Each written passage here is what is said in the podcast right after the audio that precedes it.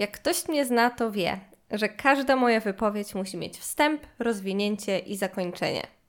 I nie ma znaczenia, czy opowiadam jakieś zdarzenie, wtedy to jest nawet trochę gorzej, bo muszę opowiedzieć cały kontekst. Nie ma znaczenia, czy mam do kogoś prośbę, czy po ludzku normalnie chcę odebrać sobie nadgodzinę w pracy. Zawsze mam gotową wypowiedź wraz z argumentami. Więc wyobraźcie sobie, że jako nastolatka chciałam poprosić swoich rodziców, no nie wiem, o to, żeby puścili mnie na koncert w środku tygodnia. No i brzmiało to mniej więcej tak. Mamo, tato, niedługo zbliżają się moje urodziny i tak się akurat składa, że w środę jest festiwal, no powiedzmy, nie wiem, reggae. Oto nasz wstęp.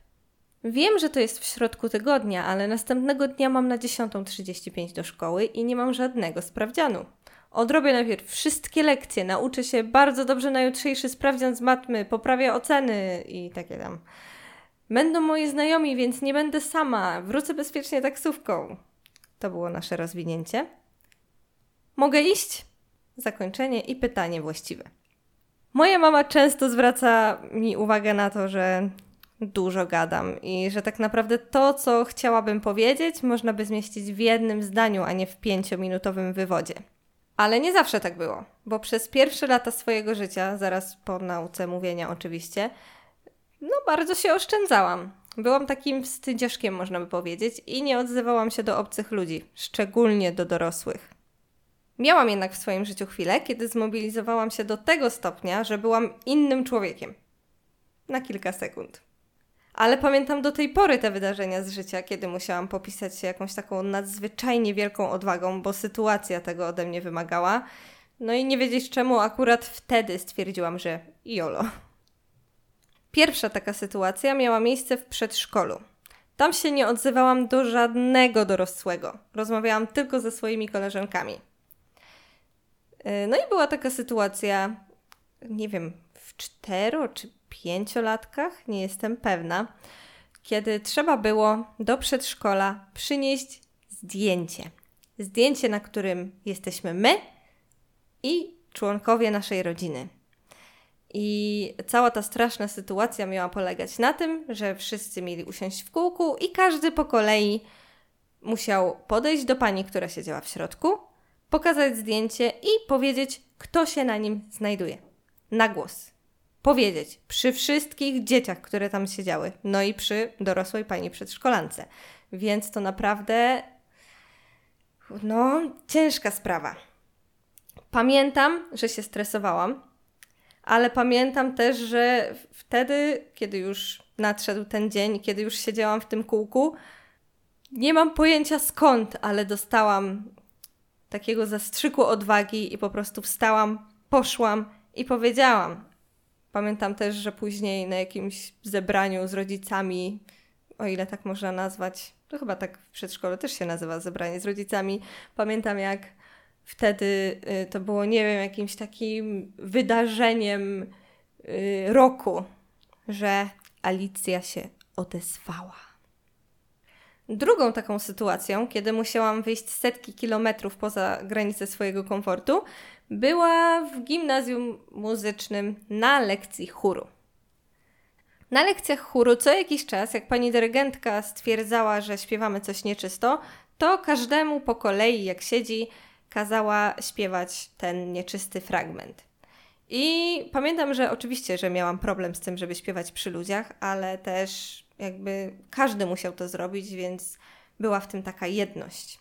Ale pewnego dnia, gdy była taka sytuacja i nadeszła moja kolej, to musiałam chyba jakoś tak nadzwyczajnie i widocznie nieśmiało to zrobić, bo dyrygentka kazała mi wstać i przy wszystkich rozłożyć ramiona i głośno powiedzieć: Oto jestem. To było dziwne, ale pamiętam to do dziś. No ale dobra, wracając do tematu. Lubię mówić i nienawidzę mówić krótko i na temat. Lubię po prostu opowiadać historię, podawać cały kontekst, no po prostu. Dzisiejszy odcinek podcastu jest taki bardziej zapowiadający i pilotażowy, więc dzisiaj wytłumaczę po co to wszystko i czemu tak, a nie inaczej. Jak ktoś mnie zna, to wie, że moim problemem są szufladki i szafki. nigdy nie umiem utrzymać w nich porządku. Próbowałam już naprawdę wszystkiego. KonMari też. Ale razem z pierwszym porankiem, kiedy szukam ubrania, które jest wystarczająco niewygniecione i nieobkłaczone przez kota, bo akurat nasz kot stwierdził, że szuflady pod łóżkiem to jest najlepsze miejsce do leżenia. E, to razem z tym pierwszym porankiem wszystko wraca do stanu sprzed wielkiego sprzątania. No i taki bałagan w szufladach utrzymuje też metaforyczny. Nie potrafię nastawić się na jeden kontent, bo samo co chwilę popadam w fascynację jakimiś nowymi rzeczami. I usprawiedliwiam się i mówię sobie, że dlatego nie jestem jeszcze mistrzem w żadnej dziedzinie, bo wszystkiego próbuję i uczę się osiągać taki level podstawowy lub średnio zaawansowany, a potem wpadam w obsesję na punkcie czegoś nowego. Więc ciężko jest mi być stabilną w zainteresowaniach. No i podobnie było z moim kanałem na YouTubie. Bo dla tych, którzy znaleźli się tutaj całkiem przypadkiem, to tak, prowadziłam kanał na YouTube.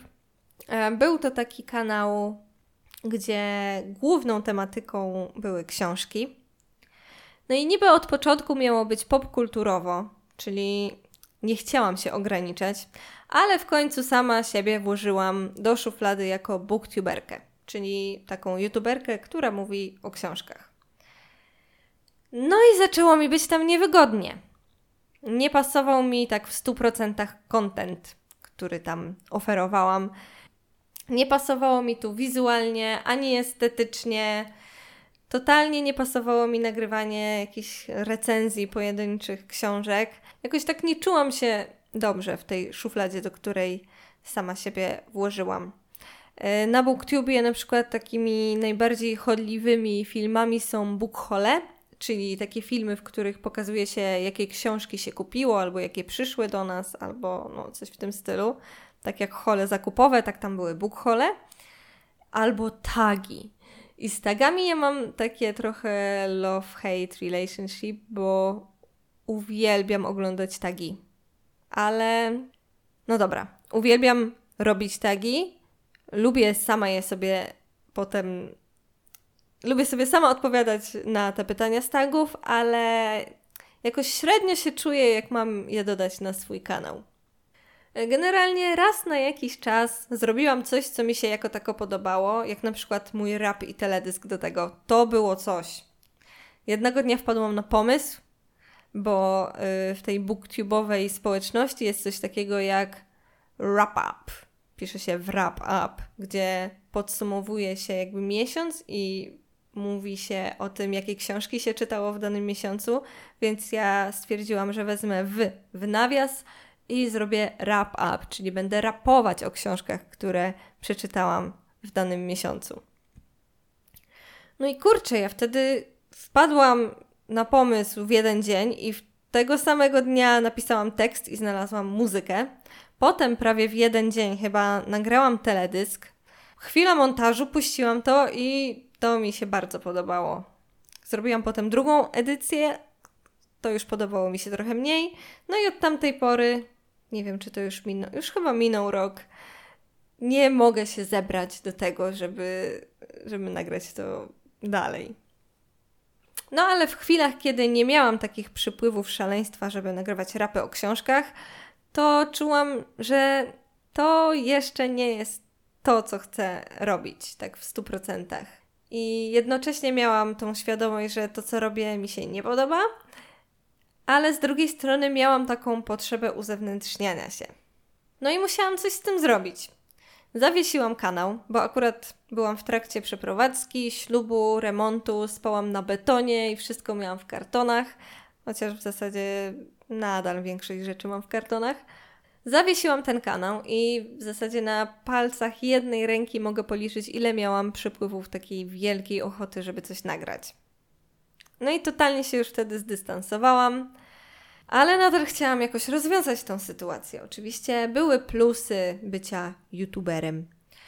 Poznałam naprawdę świetnych ludzi, e, zdobyłam doświadczenie, nawiązałam nawet jakieś współpracę z wydawnictwami. No i właściwie w momencie, kiedy niby coś się ruszyło, to jakoś tak inne rzeczy, które się działy i naokoło w moim życiu, i naokoło w ogóle na tym booktubie, jakoś tak mnie przytłoczyły i zaczęłam się bardzo mocno zastanawiać nad tym, co robię, jak robię i dlaczego robię. No i walnęła mnie w twarz taka decyzja, żeby zrobić porządek. Nawet już raz próbowałam i miałam taki film, chyba już go ukryłam. Miałam taki film, y, który zatytułowałam Robię porządek. Na miniaturce byłam ja i zmiotka z szufelką. Y, I w sumie, jak tak teraz myślę i przypominam sobie to, co przed chwilą powiedziałam Wam o robieniu przeze mnie porządku, to to określenie jest bardzo nietrafne, bo nie umiem robić porządku. Więc uznajmy, że nie chciałam zrobić porządku, tylko chciałam zrobić wszystko od początku. Tak jak lubię. Sorry za tą stawkę, nie mogłam się powstrzymać. Z odcinaniem się od rzeczy w internecie i potrzebą robienia czegoś od początku jest trochę tak jak z urządzaniem mieszkania po raz pierwszy. Jest fajnie, ale za drugim razem, mając wiedzę i doświadczenie, jakie się ma po urządzeniu tego pierwszego mieszkania, zrobiłoby się wszystko inaczej. I taki mam właśnie cel stworzenie sobie wygodnego i mięciutkiego miejsca w internecie, które będę kochać tak jak swojego kotka, czyli bezwarunkowo, nawet jeśli nasika mi na dywan. Zdecydowałam się zacząć od podcastu. No i dlaczego? A zaraz Wam powiem, jest kilka powodów. Po pierwsze, nikt mnie nie widzi. I mogę robić to z wyrka, spod koca jak jesieniara, w nieumytych włosach i w brudnym dresie, jak mi się podoba. Dodatkowo nadal żyję trochę w remoncie, nie mam wszystkich mebli, yy, nie mam zlewu i naczynia muszę myć pod prysznicem. A w mieszkaniu nie mam jeszcze nic ciekawego, co mogłoby robić za tło, więc myślę, że to jest przyjemniejsza forma dla obu stron. Po drugie, do obróbki mam tylko dźwięk, bez wielu cięć, nie muszę bawić się w jakieś dynamiczne przejścia, w montaż, żeby utrzymać uwagę widza.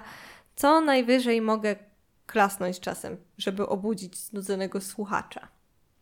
Po trzecie, mogę gadać od czapy i o wszystkim. Niby na YouTubie też mogę, ale jakoś nie widzę tego dzisiejszego wywodu w formie filmu.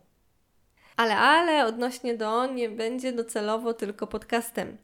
Ja mam wielkie plany będzie albo już jest, kiedy to wstawiam, Instagram o nazwie odnośnie do. Będzie YouTube chyba. Jeśli w końcu uda mi się w głowie określić dokładnie, co bym chciała tam robić i jak będzie to wyglądało. Mam nawet stronę internetową, która wisi już od jakiegoś czasu. Nazywa się odnośnie do.pl. I tym razem Uroczyście oświadczam, że planuję nie wkładać się do żadnej szuflady ani żadnego innego mebla. Chociaż jakbym miała się tak zastanowić, to najbliżej mi chyba będzie do bałaganu na biurku albo pod łóżkiem.